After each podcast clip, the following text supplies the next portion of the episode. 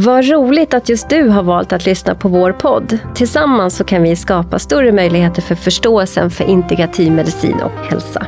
Är du intresserad av det så bli gärna medlem i vår förening och en del utav vårt nätverk. Mer information om det här kommer i slutet av avsnittet. Vi spelar in på Stockholms integrativmedicinska center i Sjöstaden och vid min sida, han som behöver yoga lite mer, poddens producent Fredrik Ankarsköld. Min gäst idag är Estelle Nordenfalk. Varmt välkommen! Tack så mycket!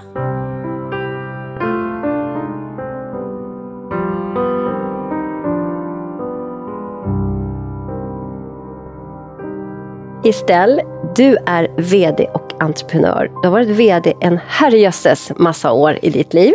Ja, men jag, det, det kändes verkligen så när du började räkna upp allting, men det har du rätt i. Ja.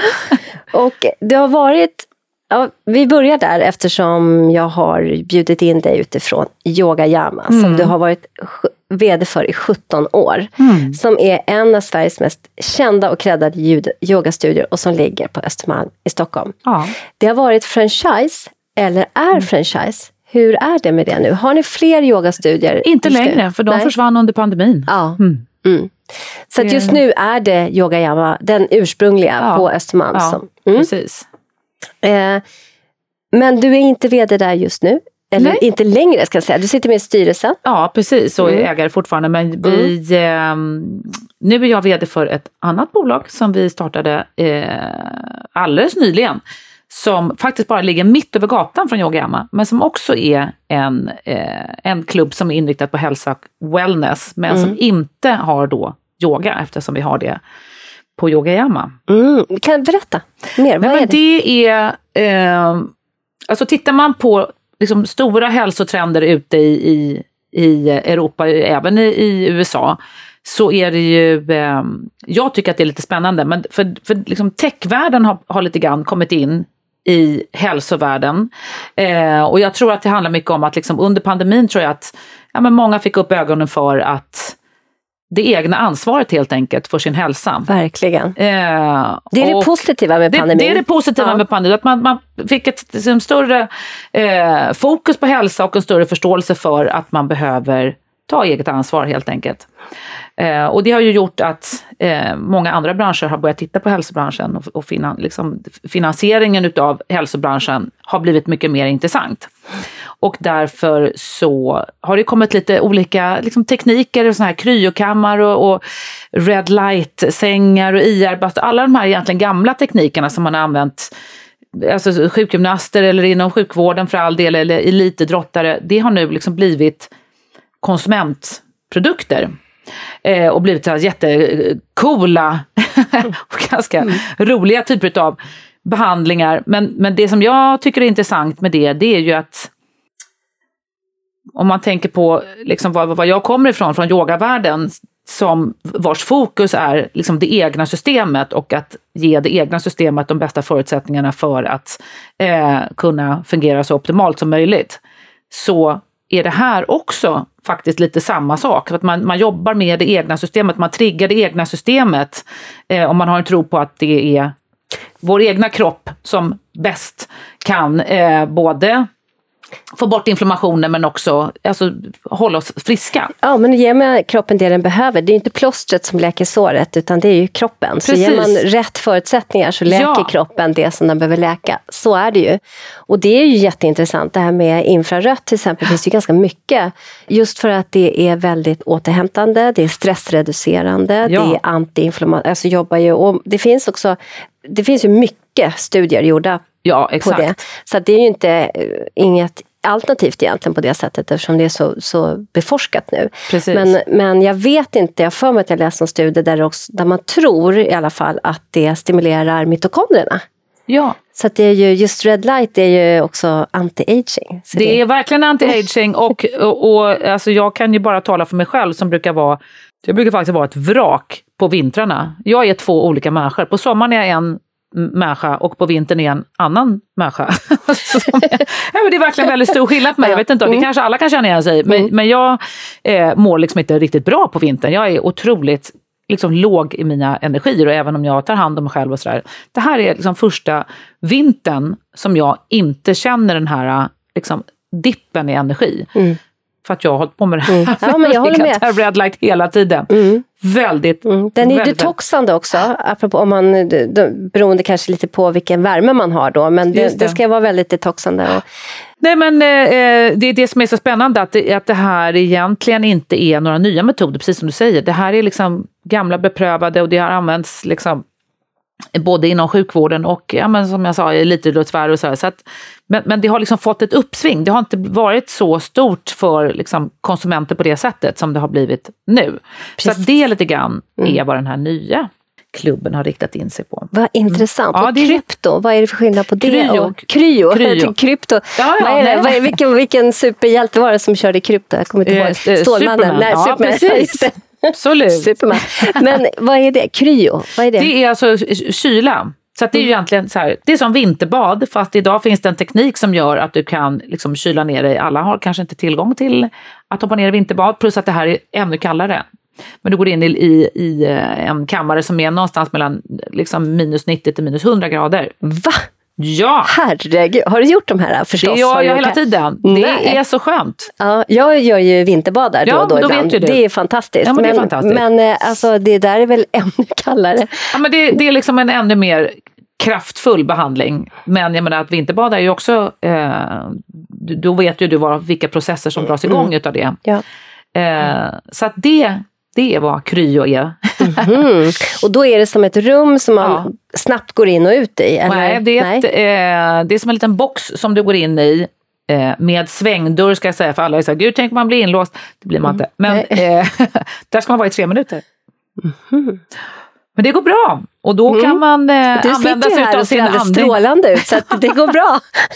Man, får lära, man använder sig av sin yogiska andning så går det ännu bättre. Mm. Mm. Vad spännande. Kommit ut en ny bok som heter Sex substanser som kan förändra ditt liv. Har du läst den? Nej! Med David Phillips. Eh, som, där han just pratar om eh, vinterbad och hur man verkligen ska göra det och att man måste andas för att uppnå Ja, vissa kan jag varmt rekommendera och jag tror jag ska bjuda hit honom också. Oj, vad spännande. Ja, jätte, jätte spännande. Eh, ja, okej. Men Ja. vad var det mer sa du? Kryo, infrarött. Och red light, alltså rött ljus. Ja, alltså, alltså, infrarött det- är ju inte rött för ögat, inte för Nej. vårt öga. Just det. Men också det röda ljuset. Mhm, vad är det för behandling då? Ja, men det är, eh, oftast har man det i så paneler som man kan stå framför. Eh, men vi har det, det ser precis ut som ett solarie, fast det är med rött ljus istället. Och det röda ljuset jobbar också med mitokondrierna, men framför allt med liksom hud, hudhälsan. Så att inom sjukvården så använder man det till exempel för psoriasis eller eksem eller eh, ärr, sådana saker. Gud vad spännande. Ja.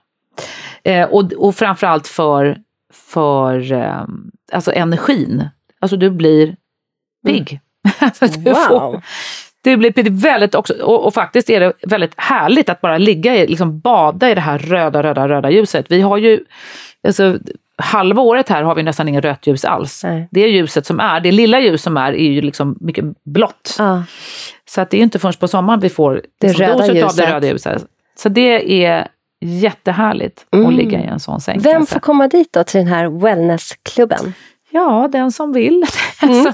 Det är en medlemsklubb och det, det är det faktiskt det jag tycker nästan är roligast. Mm. Att liksom skapa en medlemsklubb. Nu, Yogayama är ju inte det, man kan vara medlem där men du kan ju komma och gå som du vill också. Men har du liksom en medlemsklubb så kan du jobba med medlemmarna, medlemmarna på ett helt annat sätt. Eh, du, kan, ja, men du kan följa upp dem på ett annat sätt, du kan Eh, ja, men du lär känna dem, du kan eh, rekommendera dem olika saker. Och vi har ju som föreläsningar och vi, ja, vi har mycket saker som händer på klubben. Och då är det roligt att det är eh, ja, det är, liksom, det är vårt lilla gäng som vi bygger där. Och folk lär känna varandra och ja, men liksom, människor med samma intresse. Det, det, eh, och det kan jag se, även om inte Yogayama är en stängd klubb på det sättet så har det ju bildats liksom verkligen ett community på Yogayama och många har lärt känna varandra där. Och vi har, vi har Yogayama-förhållanden, vi har Yogayama-bebisar. Alltså det har ju hänt mycket under alla de här åren. Så att just det här med liksom att bygga det här community, det är fantastiskt kul. Och eh, också väldigt hälsosamt. Ja, verkligen. Verkligen. Mm. Men, men om man är med på, i den här klubben, Ja. kan man, har man då också möjlighet att yoga på samma medlemskap på Yoga Yama? Eller Nej, men vi har inte kopplingar. Ihop på det? Jo, då, vi har, Ja, vi har ja, gjort kopplingar däremellan, Ja. absolut. Mm, I och med att det verkligen är rakt över gatan. ja. Det är precis jag har mitt över det gatan. när jag är där. Jag har sett Ja. det, kikat på det. Liksom. Det har sett ut mer som att, för det är ganska nytt, nyöppnat. Det Eller? är helt nyöppnat. Ja. Mm. Vi har renoverat länge. Mm. Mm. Gud vad spännande. Ja, men det är, Jag, det är jag, jättespännande. jag, jag kommer dit och kikar. Ja, det är klart du måste göra. Ja, gud. Jätte, jätteroligt. Men, ja, så då, men då, då kom vi in lite mer på Yoga Yama också. Du var, Mm. du var vd där i 17 år. Ja, Alltså, det är länge. ja, jag kanske ska säga, jag säger min introduktion innan vi går tillbaka till Ja. Yoga Yama. Så vi Ja. bara håller den lite grann som sådär cliffhanger kanske. Men, Ja. Ja, för innan du blev VD för Yoga Yama, då hade du hunnit bli en tv-personlighet, en känd tv-personlighet och bland annat du var tillsammans med René Nyberg, du var VD på eh, Kajak Television Ja. med René Nyberg. Vad gjorde ni där? Ja, vad gjorde vi? Det här var ju eh, när tv var som roligast, tänker jag. Nej, men, nej, men när det fanns liksom lite mer budgetar innan, innan egentligen så här dokusåpan slog igenom. För när dokusåpan slog igenom så eh, kunde man plötsligt göra tv väldigt billigt.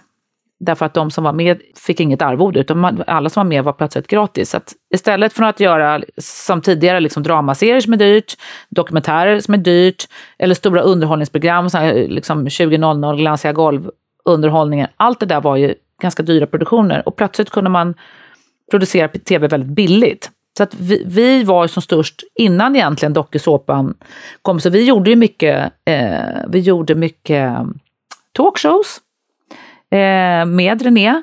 Vi gjorde dokumentärer, vi gjorde ja, ro, roliga Du var grejer. ju VD där, så Ja. var du VD höll i bolaget, Ja. René var den som höll i talkshow, som var programledare. Den konstellationen. Ja. Ja. Och sen Mm. gjorde vi andra grejer också, men vi gjorde ju naturligtvis alla Renés Mm. produktioner. Ja. Mm. Och innan Mm. dess så var jag ju Det på var där ZTV. hon liksom kom fram eller? Hon hade ju gjort Tur i kärlek innan Mm och varit på TV4, så hon, hade, hon hade, var, var ju en känd person redan. Men eh, nej, så att vi, vi liksom byggde bolaget mycket kring hennes Mm produktioner. Men gjorde, vi gjorde Fråga Olle, gjorde vi exempel. Mhm. Gud, det får jag så här flashback. Det Ja. kanske jag har sett någon från Olle någon gång. Ja. ja, vad kul, det var spännande. Och, så, och sen har du ju varit, apropå att du har varit VD en herrejösses massa år av ditt liv, så har du också varit VD för en reklambyrå som heter Very Much Logo Ja. under en period. Men det var lite så här parallell när du var VD på Yoga Yama.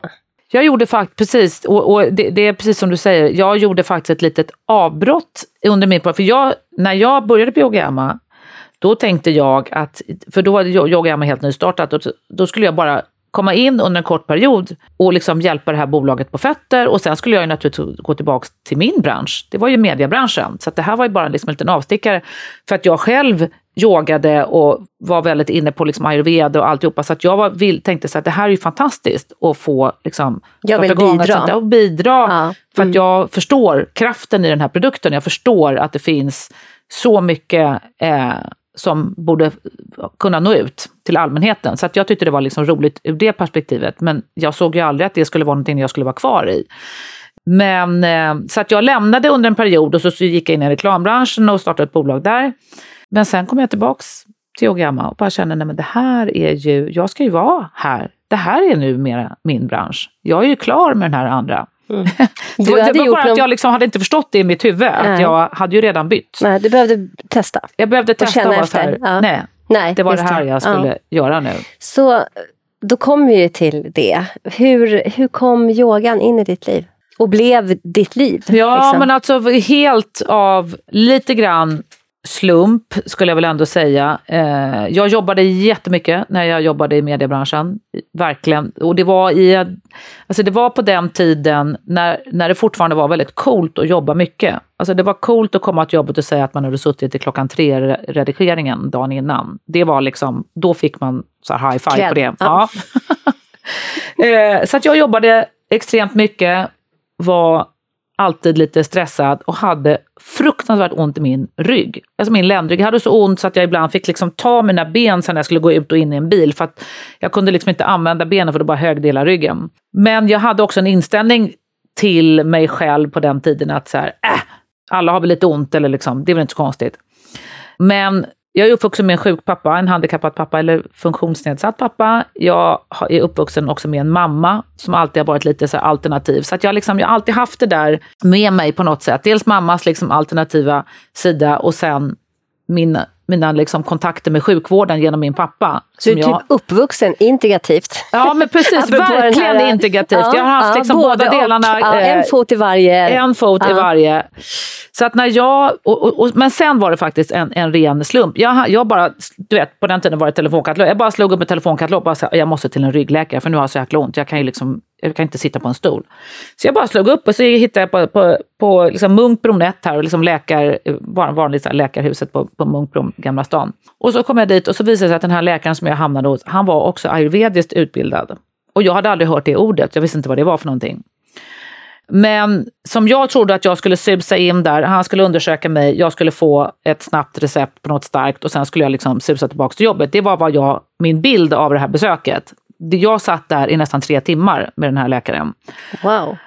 Vilken och vi läkare. gick igenom hela mitt liv och han började ställa massor, du vet, den typen av frågor eh, hade man ju aldrig fått av en läkare. De frågar ju aldrig ett ord om liksom, hur lever du, vad äter hur sover du, vad gör du? Alltså, så det var ju liksom helt nytt. Så jag satt, vet att jag satt där och tänkte så här, gud det här är så knäppt. Vad är det här för gubbe? Men, men ändå, du vet, någonting är liksom mm Fast du blev ändå... också kanske sedd? Jag blev väl också sedd och tänkte flera gånger att jag har inte tid med det här, men äh, jag sitter nog ändå kvar lite. Liksom. Och jag fick ju då helt andra typer. Jag fick inga smärtstillande, inget recept överhuvudtaget, utan jag fick yogaövningar och jag fick ganska så strikta ayurvediska både liksom kostråd och livsstilsråd. Och har man så ont som jag hade, då är man ju Motiverad? Ja, då är man motiverad. Även mm. om jag var så här, det här verkar jättekonstigt, vadå ska jag dricka mm. lite varmt vatten mellan måltiderna? Alltså gud vad konstigt. Eh, men jag gjorde ändå det han sa. Eh, och började göra de här yogaövningarna och började, började liksom förändra min kost.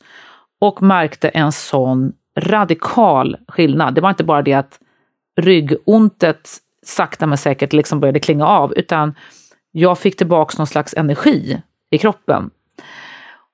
Och då blir man ju hooked. Mm. Då, då, alltså så här, sen behövde ingen putta mig åt något håll överhuvudtaget, utan jag förkovrade mig i allt. Alltså, jag läste allt jag kunde om ayurveda. Jag gick ju till honom hela tiden. Sen blev han ju en jättenära vän till mig. Nu har han tyvärr gått bort, men jag har liksom haft honom i mitt liv ja, tills att han gick bort bara för några år sedan. Nej, men han har ju liksom lärt mig så, så mycket. Har varit en fantastisk, viktig person i mitt liv som förändrade mig skulle jag säga. Mm. Verkligen. Mm. Transformation.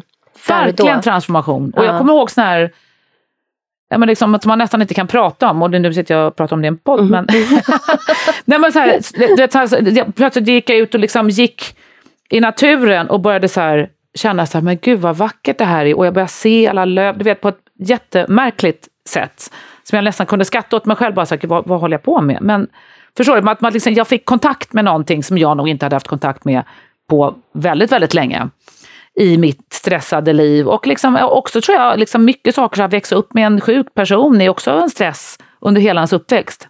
Verkligen. Eh, dels att hela tiden vara orolig att, liksom att pappa ska hamna, för han åkte in och ut på sjukhus hela, hela tiden. Så att dels vara orolig att en, ens förälder ska dö.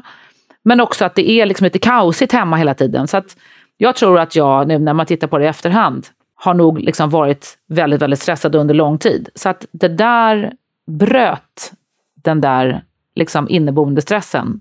Så att jag tycker ju att, alltså, så att för mig är ju både yogan och ayurvedan som är liksom systerfilosofier, de är ju så fantastiska och har ju så mycket att erbjuda och är, har ju sånt kunskapsdjup som jag inte vet var någon annanstans man kan hitta det om människan och verkligen kan hjälpa människor. Mm. Så är det, verkligen. Eh, så att det, det, är ju, eh, det är ju fantastiskt att, att det finns och mm. jag hoppas att, att, ja men bara att så många som möjligt förstår att det finns saker man kan göra. Det är inte mm. det här liksom hopplösa det är det någonstans som, som eh, den här podden också är sprungen ur. Den indikativa världen är ju Podden är, sprungen ur en yrkesförening där vi alla är legitimerade och då behöver vi förhålla oss på ett visst sätt. Ja. Eh, men alla som är med i det integrativa har ju de här erfarenheterna som du beskriver av. Där man på något sätt, där inte den traditionella hälso och sjukvården räcker till. Man har provat precis allting. Mm. Man har gjort allt det där och, så, och eftersom lidandet är så stort så söker vi oss vidare för det går ju inte mm. att leva på det sättet. I mm. regel söker man sig vidare på något sätt och, så, och för, försöker följa. Och så, och så gör man det där att man tänker utanför boxen och så mm. prövar man och så, och så visar det sig många gånger att man faktiskt hittar sin hjälp. Man kanske behöver pröva lite olika saker beroende på vem man är och vilket utgångsläge man har. Men mm. Så hittar man det där. Så att det är det. Och jag brukar säga det nästan varenda podd, poddavsnitt att, att eh, vi, ska vara högst, vi ska vara väldigt ödmjuka mot det alternativa därför att varje beforskad eh, metod eller vad det nu är för någonting har en gång varit en alternativ tanke som sen har blivit beforskad och som används i den traditionella hälso och sjukvården. När den väl gör det. Allt, mm. allt. har varit det. Precis allt. Ja, och att man också förstår alltså att Alltså att man förstår att alltså, skolmedicinen är ganska ny. Det är mm. ganska ny, man liksom fått det som var liksom en sanning ena dagen var inte en sanning nästa dag. Och det är så det ska vara. Alltså det, men då, det, det, måste man ju också förstå när man förhåller sig till den. Och förstår ju då att det, den täcker ju inte någon helhet eftersom den också är så ny och på 90-talet trodde man inte att ny, hjärnceller nybildas. Sen vet man att när det gör de, aha, och 2017 alltså, hittade man fascian. Det var något ludd som kroppen hade hittat på för att uh, fylla ut håligheter i kroppen. Idag ja. vet vi att det är där nerv, mycket nervsignaler Exakt. Alltså, så här, ja, men så det finns ju jättemycket mm. och det är ju mm. jätteintressant och det, ska man, alltså, det är ju otroligt intressant att följa forskning och se vad man liksom vad man kommer fram till. Men att man skulle säga att det är liksom det enda som finns. Det är ju så konstigt. Alltså för mig är det ett sånt märkligt förhållningssätt. För det är ju så att liksom allting som vi vet idag, det är det som finns. Nej, men det vet vi att det inte är. Nej, för inte. imorgon har vi upptäckt någonting alltså, så mm, mm. Jag förstår inte, jag har aldrig förstått egentligen, som jag faktiskt tycker, nu, nu behöver inte jag försvara någonting för jag sitter inte och har någon, någon titel, men, men jag förstår inte arrogansen. Den, den är den som jag kanske har svårast med. Jag, tänk, jag, jag liksom tänker lite grann på min pappa. Så hade det inte varit för skolmedicinen så hade han aldrig överlevt, för han var med om en väldigt kraftfull bilolycka. Så att liksom, tack vare skolmedicinen, med sin akutsjukvård och kirurgi, så kunde han överleva. Men sen så gick han ändå bort av medicinförgiftning och ja, men, eh, alla sina liksom, inre sjukdomar som han förmodligen hade kunnat hjälpa eh, honom med. Så att jag har liksom sett de här båda sidorna och framförallt, jag, jag, jag har liksom förvånats över men framförallt arrogansen. Arrogans, det, det kan jag, alltså jag tycka. kan inte förstå den. Därför att det, för vad, mig vad är den för någonting? Nej, alltså, men för, det, för jag det, tror att det handlar om makt och kanske brist på kunskap eller erfarenheter av att själv ha varit med om någonting där det inte har fallit väl ut. Alltså, det finns ju, någon, det finns mm. ju mycket som kan pågå också som inte är bra. Det, ayurvedan är ju en 5000-årig, minst 5000-årig kunskap.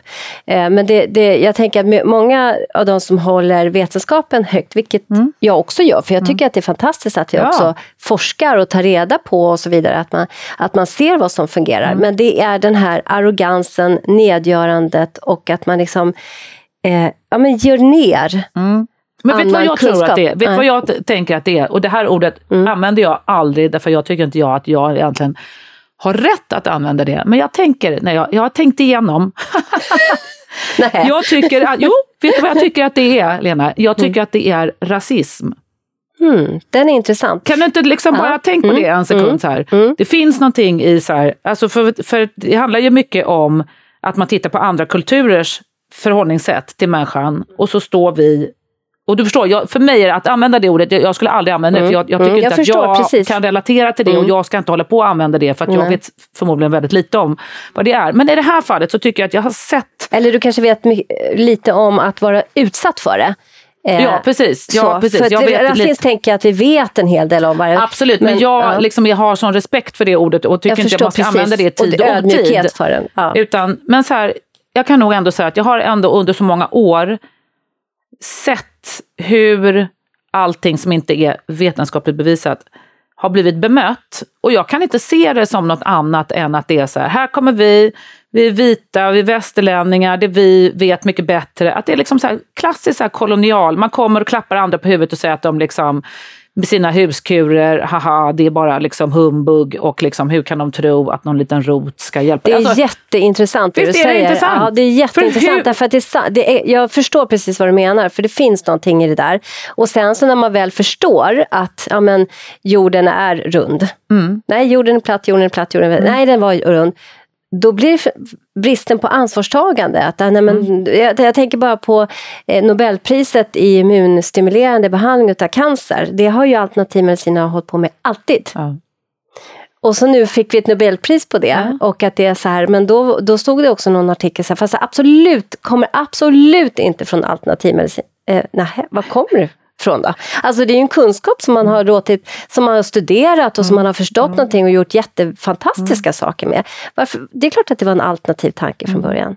Men alltså kan det, du förklara det på något annat sätt? Varför har man den här otroligt nedsättande tonen? För jag kan inte se det någon, i ett annat... Alltså, varför har man den här nedlåtande, nedsättande, ganska hånfulla ordalagen när man pratar när du, om... När du säger det här så ja. tänker jag på Vad skulle annars vara? Jovel, Har, eh, no, eh, Jovel Harari som har skrivit en kort historik om, om människans historia, Homo sapiens. Mm -hmm. har, du, har du lyssnat på den eller läst den? Nej, alltså, alltså Homo sapiens-boken? Ja, alltså Homo sapiens, eh, det är ju den här professor ja. Jovel Harari. Som, ja, ja, ja, ja, har du lyssnat, eller Absolut. läst den? Ja. Där tar han ju upp det här med att den han säger någonstans här, den, den vita mannen kom ja. in i Afrika och liksom tar över ja. den svarta mannen och den svarta Exakt. mannen med ett bättre immunförsvar och tålde ja. solen. Så här, han hamnade ute på åken och den vita känsliga mannen hamnade in i huset.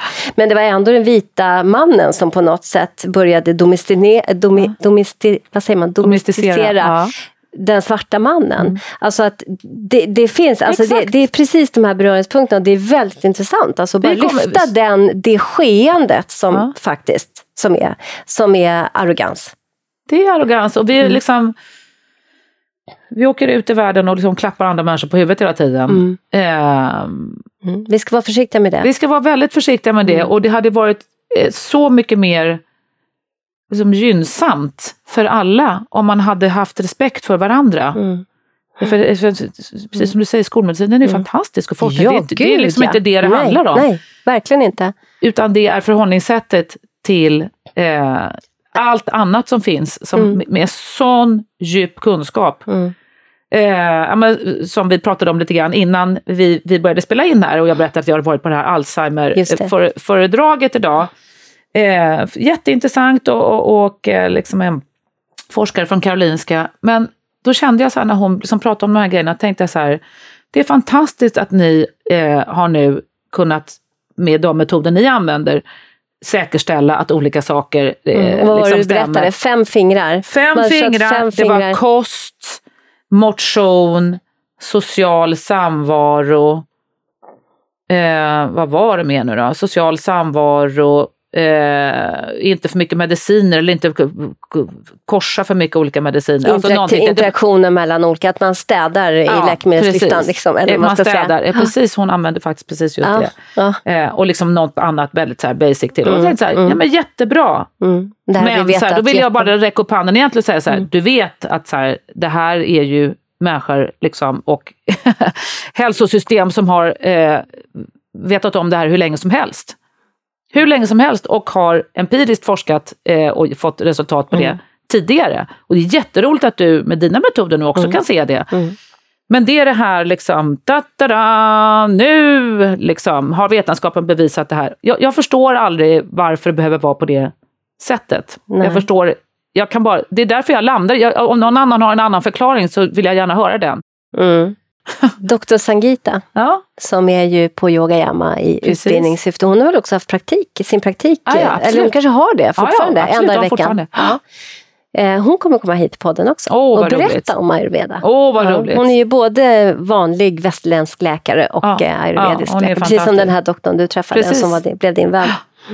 Ja, ja så, roligt. Men tillbaka till yogayama då. Ja! Du kom in där, du, gjorde lite, du trodde du skulle vara med och liksom få igång det här ja. med hela din kunskap om hur man också liksom kanske på något sätt får ett företag att blomma. Lite ja. grann, så. Du gick tillbaka till reklamvärlden, kände mm. uh -uh, det är hit jag ska gå. Ja. Och så tillbaka dit och så har du varit där länge. Och då, där har det, liksom, det hänt så mycket under de här åren. Vill du berätta lite? Ja, nej men det, det, är det har ju verkligen. Det är så roligt när man har gjort någonting under väldigt lång tid, för då kan du verkligen se perspektiv och, och liksom följa ett skeende under tid. Nej men alltså jag var nog också lite chockad, ska jag säga, när jag kom in på yogayama. För jag hade ju då själv, var ju, hade liksom yogat under många år och liksom kunde mycket om ayurveda och kost och alltihopa, hade lagt om mitt liv. Liksom. Och sen så hade jag varit, kommit från tv-världen där alla, så fort man berättade att man jobbar med tv, tyckte alla att men gud vad kul, ha, man ni borde göra ett program om det här. Och liksom, ja, men vet, alla var intresserade och nyfikna och hade något att komma med eller hade sett något man hade gjort eller något sånt där. Och sen när jag berättade så här, men det började jag börjat jobba med yoga. Då gjorde alla bara liksom, typ ryggade tillbaks och bara så gjorde någon konstig min och bara va? Liksom, har du gått med i någon konstig sekt? Alltså folk var nästan så här oroade för mig. För yoga var så, alltså på den tiden, man ska inte glömma det, då fanns ju inte yoga någonstans. Alltså det fanns ju inte på gym, ingenting. Utan det, liksom, folk var verkligen så här, när man liksom, har du gått på det där, det där yogan? Liksom, Nej, men Strax innan vad- yogayama, då träffas man väl i källarlokaler? Typ, och Absolut, liksom- och folk hade Ja. lite konstiga namn och Mm. orangea kläder. Ja, men det, var, det var verkligen...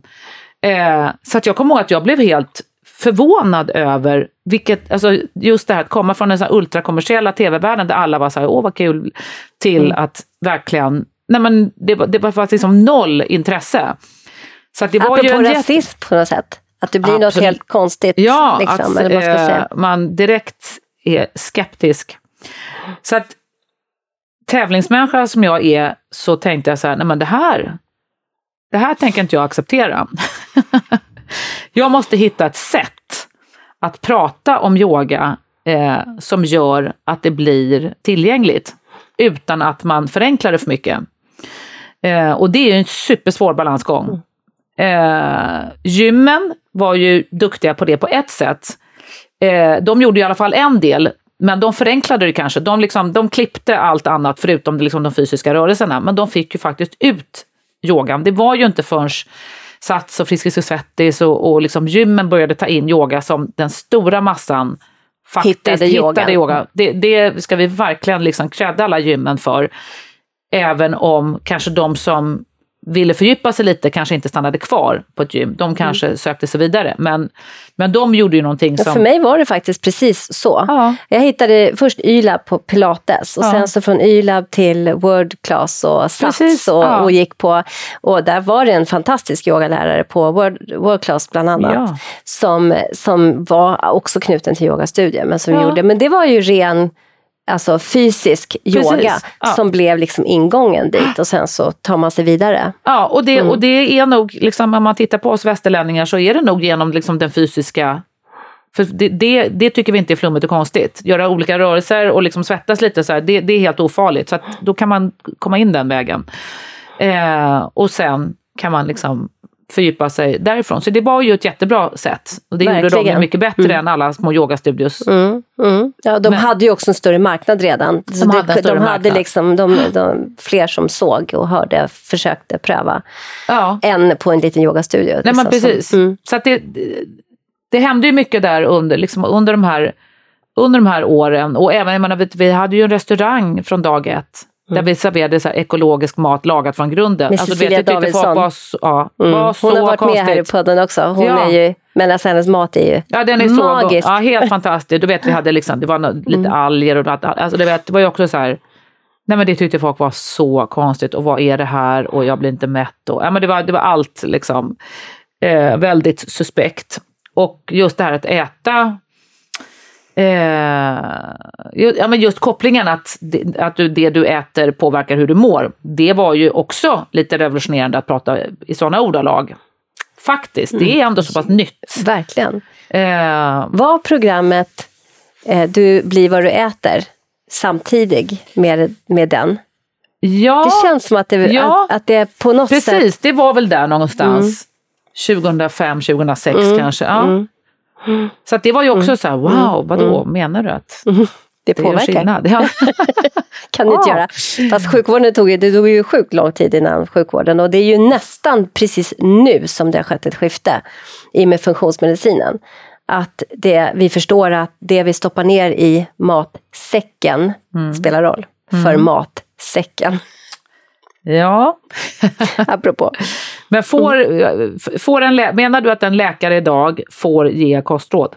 Ja, faktiskt. För att eh, Peter Martin, eh, doktor Peter Martin, eh, han har också varit med här i podden. Han berättar om det, att det får man som läkare. Wow. Som läkare får man ta prover på vitaminer och mineraler, vilket man alltid har fått. Och man får också ge kostråd utifrån det. Självklart, säger han, så får man göra det. Eh, Men det fick man doktor- ju inte förut. Nej, men egentligen så påstår han att det är fel, har varit felaktigt hela tiden, utan det är mer en social konstruktion. Att man inte får göra det. Och jag tycker att det var lite intressant nu Nej, men den här jag, pandemin. alltså, den här läkaren som, som jag hade kontakt med, han blev av med sin läkarlegitimation. Han var, han var på Sahlgrenska sjukhuset och jobbade Ja. med tarm, Mm. tarmcancer framför allt. Och Mhm. Han gav kostråd till Mm. tarmcancerpatienter. Ja. Jag vet ju att det har hänt. Alltså jag säger Och, inte att det inte har eh, hänt och att det är felaktigt på det sättet. Mm. Men, men som han, Peter Martins i alla fall, att som det, det, och det tycker jag också, det blir jättekonstigt att just en doktor inte kan tala om att Nej, men du har, jag har tagit blodprover på dig och ser att du har låga D-vitaminer. Mm. Eh, D-vitaminhalt i ditt blod. Du behöver få D-vitamin kosttillskott eller du behöver få ett läkemedel med D-vitamin eller du behöver Mm. äta mat. Du behöver vara ute i solen och få D-vitamin. Alltså det, it makes no sense på Mm. något sätt. Men jag vet ju att det har pågått och jag vet ju att det har varit och vi följde ju också integrativ medicin, vår före detta ordförande som nu är avliden, Rune Eliasson, stöttade en, en läkare liksom hela vägen. Mm. Där han först blev av med sin läkarlegitimation. Nu ha, använder han sig också av homopatiska läkemedel. Men traditionella he- eh, liksom, interventioner också. Och då, Mm. Först förlorade han sin leg, leg, legitimation. Sen i en stor process som de hade så fick han tillbaka den sen. För att han Okej. hade inte gjort något fel.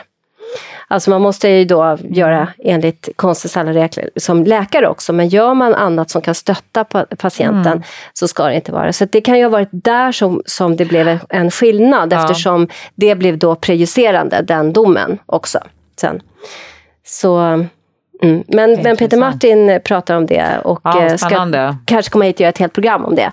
För att man Gud vad bra. Och det är jag har bråkat med så mycket. Alltså, eh, nu vet inte jag hur man idag hanterar morbus Crohn, alltså kronsjukdom. Mm. Men, men på den tiden, då, liksom, då, då snittar man ju upp och så klipper man bara av tar- tarmen. Ja, det man gör ihop. man nog beroende på, alltså, nu är inte jag expert på det området alls, eh, men jag tror att man gör det ganska mycket nu. Men det, jag tror också att det är olika psykoterapeutiska interventioner för stresshantering och det är också kostrådgivning. Och Mm. Det är det. Ja, därför det, det fick ju min pappa absolut inte. Det var ju det som blev, var problemet där, att när han kom med kostråd från den ayurvediska läkaren så var de bara så här, det här är liksom... Nej. Jag kommer ihåg när han vaknade upp en gång efter en, en, en sån operation när man klippte upp och han fick bruna bönor och stekt fläsk. Och jag sa, nej men snälla någon, liksom.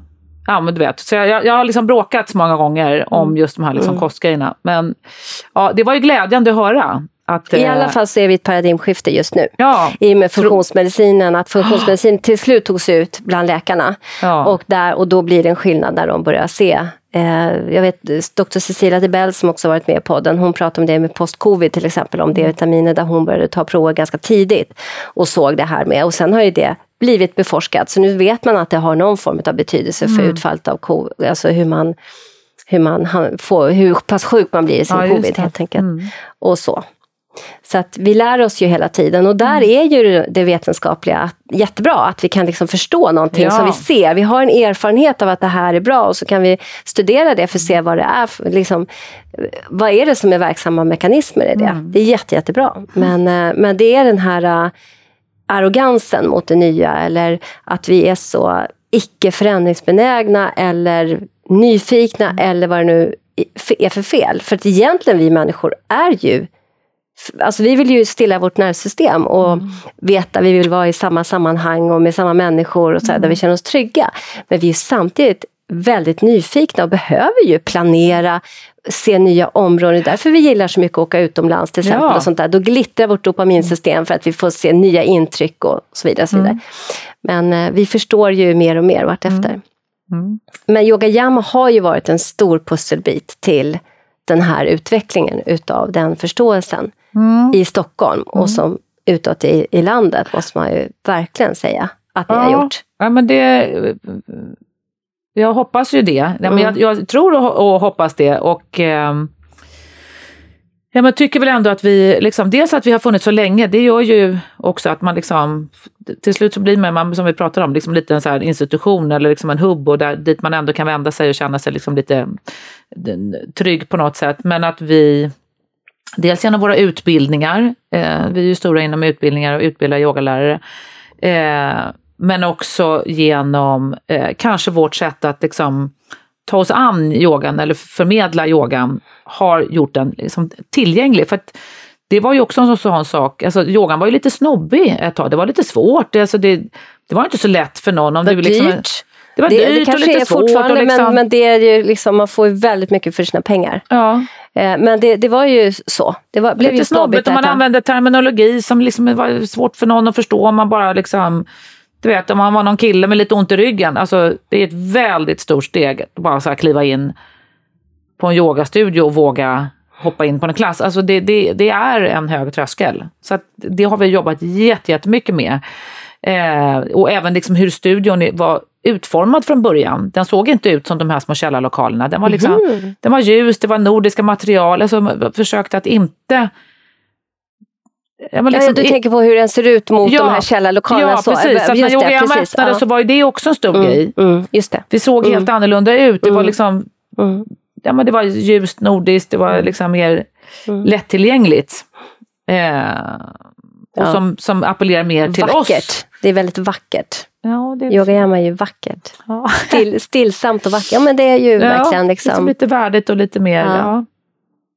En plats där det ska liksom ske någonting. Och det, det Mm. tror jag, det är nog faktiskt fortfarande så här, den finaste komplimangen vi kan få. Det, och, och vi får den faktiskt ganska ofta när folk säger så Åh, det är så skönt, bara jag så här, öppnar dörren till Yogayama så sker det något liksom skifte, det händer någonting. Jag, liksom bara så här, "Åh, jag slappnar av eller liksom lämnar stressen bakom mig. Och sånt där. Det tycker jag är så coolt. Ja. Att det handlar bara om att liksom, bara man kommer in där, det behöver inte vara så att du har gått på en klass, utan du bara, bara du kommer in där Så, så, händer det verkligen. någonting. Men det har också blivit liksom en studio där många av er eldsjälar har mötts. Jag tänk, vi Ja. har, vi eh, har haft Sara Granström Ja. Povietski. Povietski här innan och, Ja. hon, och då kom vi fram till också att hon, dels har de ju, hon och psykolog Kristina Andersson skrivit Yogahjärnan Precis. eh, och som liksom också sätter yogayama på kartan. Ja, ja. Men hon gjorde ju också en bok som heter Leva med yoga Ja. för tio år sedan i Precis. samarbete med Yogayama. Precis. Och det kom vi fram till när jag eh, gjorde liksom, intro till henne. Så här, att, Gud, den boken köpte jag. Jag Ja. älskade den boken. Ja. Jag hade med mig den överallt. Jag reste ganska mycket under den perioden. Ja. Och, du vet, och jag kommer inte riktigt ihåg vad den är nu. Så då sa jag det till Sara. Nu säger jag det till dig också som ägare till Yogayama. ja. Tänk att göra en, en, vad kallar man det för, en uppgraderad version utav Leva med yoga. Ja. Den skulle ju vara helt magisk. Det har du rätt i. Mm. Det är en ganska bra idé. Det är en den, jättebra den, vill jag, idé. den vill jag ge till dig, Ja, för jag vill ha tack. den boken själv. Det var, Med bara, Sara. verkligen. Att, ja, för den, den boken var, apropå det här nordiska, Ja. jag kommer ihåg, som jag sa till henne också, någon sån bild på henne när hon yogar i den svenska urskogen med granar runt omkring. exakt. Alltså det, det bara appellerade, i alla fall till mig, och jag vet att det var många, det, det var ju faktiskt nu när jag tänker på det, alla pratade om den då, den boken. Ja, men det det, var- var, det var just det, ja, men det, det är ju precis det här som du säger, att liksom sänka tröskeln, att liksom leva med yoga, det, det var ju just liksom, ja, men hur lever vi här uppe i Norden, men hur kan, hur kan vi ta till oss allt det här liksom? Och yogan var, nu är den inte lika mycket så, men liksom yogan var väldigt mycket i början, det var olika sanskritord, det var olika liksom tecken och ganesh, alltså det är ju jättesvårt för oss att ta till det blir ju främmande för oss. Förrän, alltså, bara att förstå ett citat, ett, liksom verkligen på djupet, det, det krävs ju jättemycket. Men att då komma in på ett ställe där det är citat överallt och, och liksom, ja men du vet, det, det, det blir ju det blir nästan ytligt, förstår du vad jag menar? Det blir ju inte... Det är för stor skillnad. Det är för stor Det är för skillnad, stor man måste ju skillnad. liksom Mm. ta det stegvis. Så att vi kan få en chans att faktiskt förstå vad alla de här sakerna betyder och kunna relatera. Alltså, Ganesha-figurer är jättevackra, men liksom att förstå vad det är.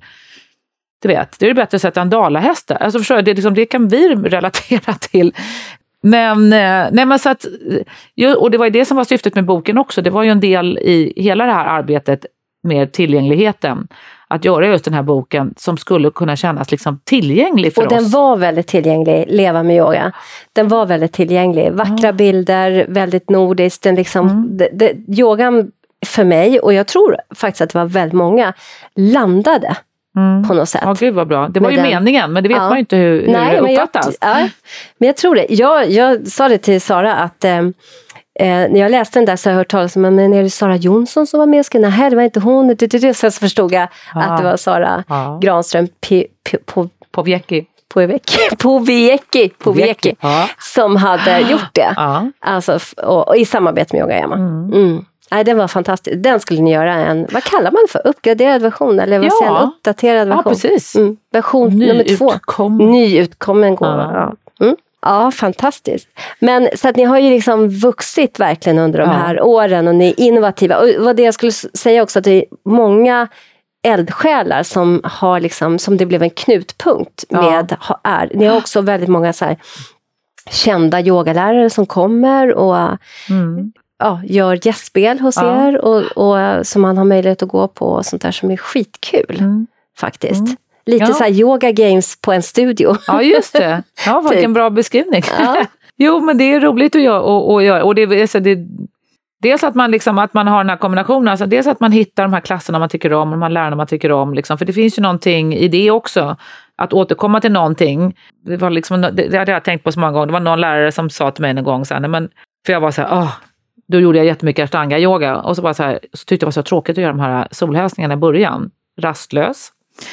Man jobbar med sitt mind där. Men det var så här, när man liksom, du kan använda, liksom, att göra samma sak om och om igen. Det känns aldrig exakt likadant. Det är det som är det intressanta. Så att, liksom, att göra det varje dag, liksom, var, hitta nyfikenheten i det istället och se liksom, skillnaden. En solhälsning ena dagen är inte en solhälsning samma solhälsning dagen efter. Det är så sant. Verkligen. Och, och, liksom, och, och lär dig att liksom observera din kropp just eftersom du gjorde en solhälsning igår, så har du liksom någonting att jämföra med. Och det där har jag liksom tänkt så mycket på, så det var så bra sagt, för jag var verkligen så här, jag började slarva med det där. Äh, jag gör inte så, jag gör bara tre, men du vet, typiskt så som hjärnan liksom tar i vägen. Eh, och, och så tycker jag att liksom lite grann yogan är generellt, att liksom det, ja, men det är härligt att göra samma, man går till läraren och man känner igen så här, men man behöver också de här liksom, influenserna utifrån. Man behöver ibland prova någonting helt nytt eller prova någon annan lärare. Liksom. För man, man, så plockar man ihop lite och så blir det ens egna på något sätt. Man lär sig lite av varje lärare och på så sätt tycker jag att, man, att det är så man hittar mm. sin egna kärna på något sätt. Mm, verkligen. Och, jag, och jag, någonting som är utöver Anna, för att, som psykoterapeut så, eh, och också med människor som är väldigt alltså, traumatiserade eller svår stress, så försöker jag alltid eh, erbjuda yogan på något sätt. Att, att, ja. och för, liksom vidareföra att det är bra om ni yogar. Och då säger många att men vi yogar hemma. Jag, jag förskriver eh, sån här FAR, fysisk aktivitet ja, på recept. Det. Så att det är ju också simhall eller det. det vi utgår vi ifrån... Far. Är ni det? Ja, ja men det, det har jag faktiskt sett att ja, det är. Det är ja, bra. Ja. Mm. Eh, men vi använder oss av FYSS, då, då, mm. motsvarande fast mot läkemedel, men FYSS. Så då tittar man ju på det enskilda utgångsläget såklart. Men det som är skillnaden med yogan är ju att du går dit och någon håller dig. Ja. Du håller space, du får hjälp med andetaget, någon som ser dig, någon som kommer lägga en hand i ryggen försiktigt. Alltså så här, det, det, det, det, det är så upplevelse. läkande. Och, och olika yogalärare har ju, alla yogalärare har ju sina egna unika energier som de liksom manifesterar i rummet. Och det är ju det också, ibland så behöver jag, eftersom jag, jag är runt för att försöka liksom få till mig yoga, så går jag här på Sjöstaden ibland och yogayama och ja, sådär. Så kan jag känna också så här, gud nu behöver jag verkligen Sara Granström ja. och hennes ja, energi. Eller Jenny Ståhl, som är, eller vem, det finns ju så många fantastiska yogalärare. Men, men, men det är ju det också. Det är ja. det som är hållande mot att du går och simmar i en simhall, vilket också är bra, mm. Beroende på utgångsläge. Men det, det, får man, det är så mycket plus, plus, plus, plus, plus och synergier som gör att det är så läkande. Mm.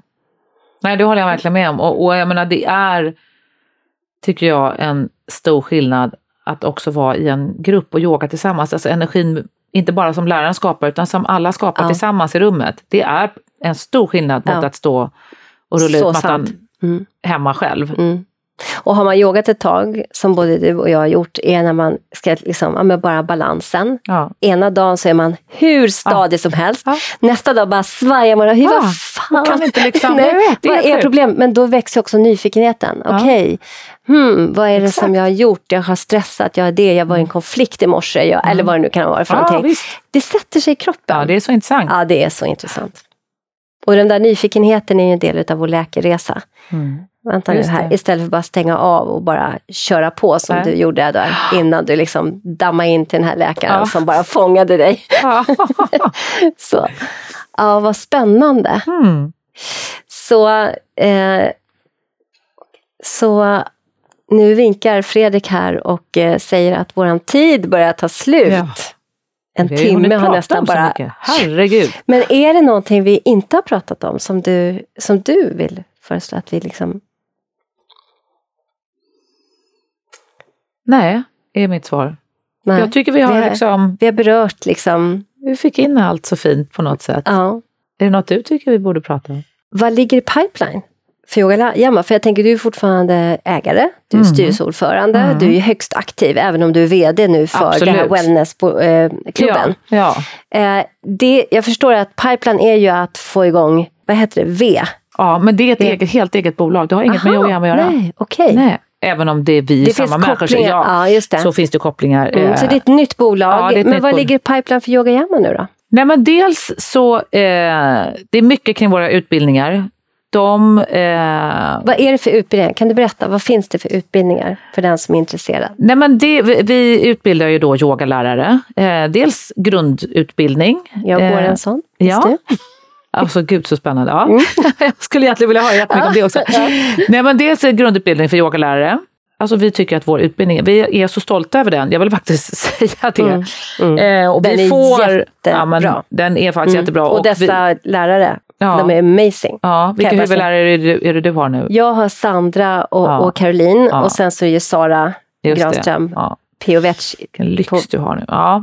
Nej men det är, eh, den är fantastisk tycker jag och den, vi, vi- får ofta elever som har gått någon annan utbildning och så liksom vill de gå en utbildning till och är bara så här, oj okej, nu förstår jag att det var liksom stor skillnad. Så att det är, man ska ta mycket referenser tycker jag innan man börjar gå en, för det finns så mycket yogalärarutbildningar. Så att jag tycker man ska ta referenser för jag är väldigt stolt över vår utbildning. Den är väldigt, väldigt genomarbetad. Så att dels har vi vår grundutbildning naturligtvis som är liksom i eh, som 200 är, timmars ja, en eh, 200 timmars grund. Där teacher du blir, training helt ja, enkelt. där du blir en eh, certifierad yogalärare, alltså Yoga Emma-certifierad men även Yoga Alliance-certifierad. Ja, för det kan du ju nämna någonting om, att Ja. ni är ju certifierade Absolut. för internationellt. Ja, och då, det finns ju många som har liksom å, åsikter om Yoga Alliance och, och liksom, är det verkligen bra och sådär. Men, men då, ja, alltså det är ju det organet som finns. Sen kan man ha åsikter om det, men det är faktiskt det organet. Och det, är i alla fall någon som ge- utger sig för att ändå liksom kolla på innehållet och ändå certifiera det. Så att vi har behållit den certifieringen och tycker ändå att den, eh, den, den har ett värde. Och, och det säger ändå någonting om, om, om någon vill söka jobb någonstans, då kan de ändå visa upp en certifiering och det, det tycker vi känns viktigt. Sen gör, certifierar vi ju också våra egna certifieringar. Men sen har ju vi på, påbyggnads, alltså vi har ju upp till 800 timmar alltså på, i påbyggnadskurser. Eh, och där har vi valt att, man brukar ju säga då liksom 200 timmar och sen kanske att man går upp till 500 timmar. Men vi har ju gjort ett, ett gäng påbyggnadskurser som är liksom fristående kurser så du kan faktiskt plocka ihop eh, lite grann din, din, din egna 500 timmar. Då finns det då de som är obligatoriska som man måste ha. Men så kan du lägga till eh, lite utav egna. Om det går en restorative kurs. Alltså, du kan plocka ihop så att eh, lite som en, Filosofi, yogisk filosofi, Ja, yogisk filosofi. Vi har liksom, ja men vi har Mm. vi har massor med olika. Eh, och, vi, och så de vill vi utöka. Det finns många spännande ämnen. Vi håller på med gin mycket. Eh, Vi har tre olika ginutbildningar. Eh, och, eh, så att där håller vi på att titta på vad vi nu på frågan så här, vad vi har i pipelinen. Ja, men att utveckla utbildningarna ännu mer, att hela tiden ligga i framkant och ha koll på ja, men vad som händer och vad man faktiskt kan göra en, en kurs. Eh, det finns mycket, alltså inom, eh, vad heter det? Föda barn, vad heter det? Eh, Förlossning. Förlossning, tack! Nu börjar jag bli trött. Inom förlossningsvård och yoga ja, börjar man titta nu. Så att mm. vi håller på att titta på, liksom, finns det någonting vi kan göra där? Eh, och sen, eh, sen har vi ju, alltså hela vårt franchisekoncept finns ju här och det finns ju, vi har så många franchisetagare som är intresserade av att öppna upp. Eh, och vi tittar på det och kommer förmodligen, och några av dem som, som stängde vill ju öppna igen. Eh, men det har varit så mycket skakiga tider och har det varit en liten studio har det varit svårt att överleva. Alltså det är många studier som har stängt igen, tyvärr. Eh, så vi är väldigt ju, många. Faktiskt. Ja, väldigt mm. många har stängt igen och inte klarat den här perioden. Eh, liksom, när en person skulle ha så här 10 kvadratmeter runt sig, det var väl liksom det var väl dödsstöten. Mm. Det är ju inte gjort för små yogastudios direkt. Så att det, det, är väl också en del i pipen att, eh, att fortsätta med, med att eh, öppna upp våra franchise-studios. Och sen också, den sista delen är att vi får mycket förfrågningar från företag. Alltså för, och det ser vi så otroligt positivt på. Alltså att företag vill eh, så vi har gjort en, en helt separat liksom, företagsutbildning. Vi har plockat delar från, vårt, eh, från, från alltså grundutbildningen och sen så har vi eh, liksom paketerat den mer till, så, så, att den egentligen som en ledarskapsutbildning, för det är väl egentligen det det är. Om man ska titta ja, på... Jag tycker in i ledarskap, det, stilla sinne och ett inre ledarskap. Ja, mm. både, liksom, både om du ska liksom leda dig själv och leda andra så tycker vi att det här är ju precis vad du behöver om du ska vara en modern ledare idag. Eller modern medarbetare för all del. Så att vi vet ju att det är många redan idag som går vår utbildning för att de är vd eller sitter i styrelser eller, eller är ledare på något sätt och gärna eh, ser det här som en, som en del utav det. De har inte tänkt att bli yogalärare utan de ser det som en ledarskapsutbildning. Mm. Så att då har vi faktiskt paketerat om det och gjort det till företag. Ja, ja, och egentligen för att vi har fått så mycket sådana förfrågningar. Mm. Eh, och, Call and response. Vad sa du? Call and response. Ja, exakt. Så att det, Apropå det ska bli så. Ja men precis. Det, och det känns jätteroligt för mm. det är mm. också en värld att komma in i. Eh, och det är alltid speciellt med företag för då kanske det är någon eldsjäl som är intresserad och så ska liksom de andra som inte är lika intresserade också liksom följa med. Det är ju ofta så med företag att det eh, så att vi, det är en rolig utmaning. Jag älskar sådana där utmaningar när det är lite svårt. Såklart ja. du gör. VD ja. som det har varit nästan hela ditt liv. Ja, oh, gud vad kul. Estelle Nordenfalk, ja. stort tack, tack för att du ville själv. komma hit och ja. berätta om dig och yogayama och allt, allt du har gjort och ayurvedan och allt. Tack själv Lena. Så kul att få vara med. Tack.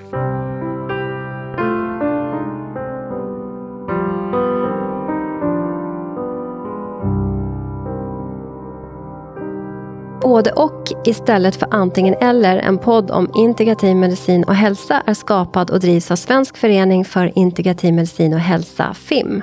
FIM är ursprungligen en yrkesförening för legitimerad vårdpersonal. Vi representerar sjuksköterskor, dietister, fysioterapeuter, läkare, psykoterapeuter, psykologer, tandläkare för att nämna några. Idag omfattas våra medlemmar även av associerade medlemmar som inte behöver vara legitimerade. Föreningens arbete vilar mot den vetenskapliga grund för integrativ medicin och hälsa som finns, såväl svensk som internationell och på systemisk förståelse av människan i sin miljö. Vår förenings arbetssätt har hittills varit att arrangera konferenser, seminarier och folkbilda genom att sprida information, exempelvis via sociala medier.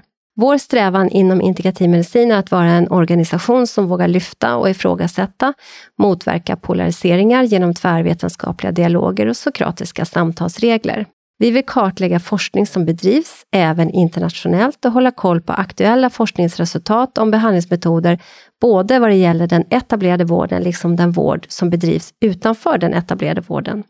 Sokratiska samtalsregler innefattas i den sokratiska samtalsformen som egentligen all grundläggande kunskap är sprungen ur, men som ibland till och med lyser med sin frånvaro i dagens public service.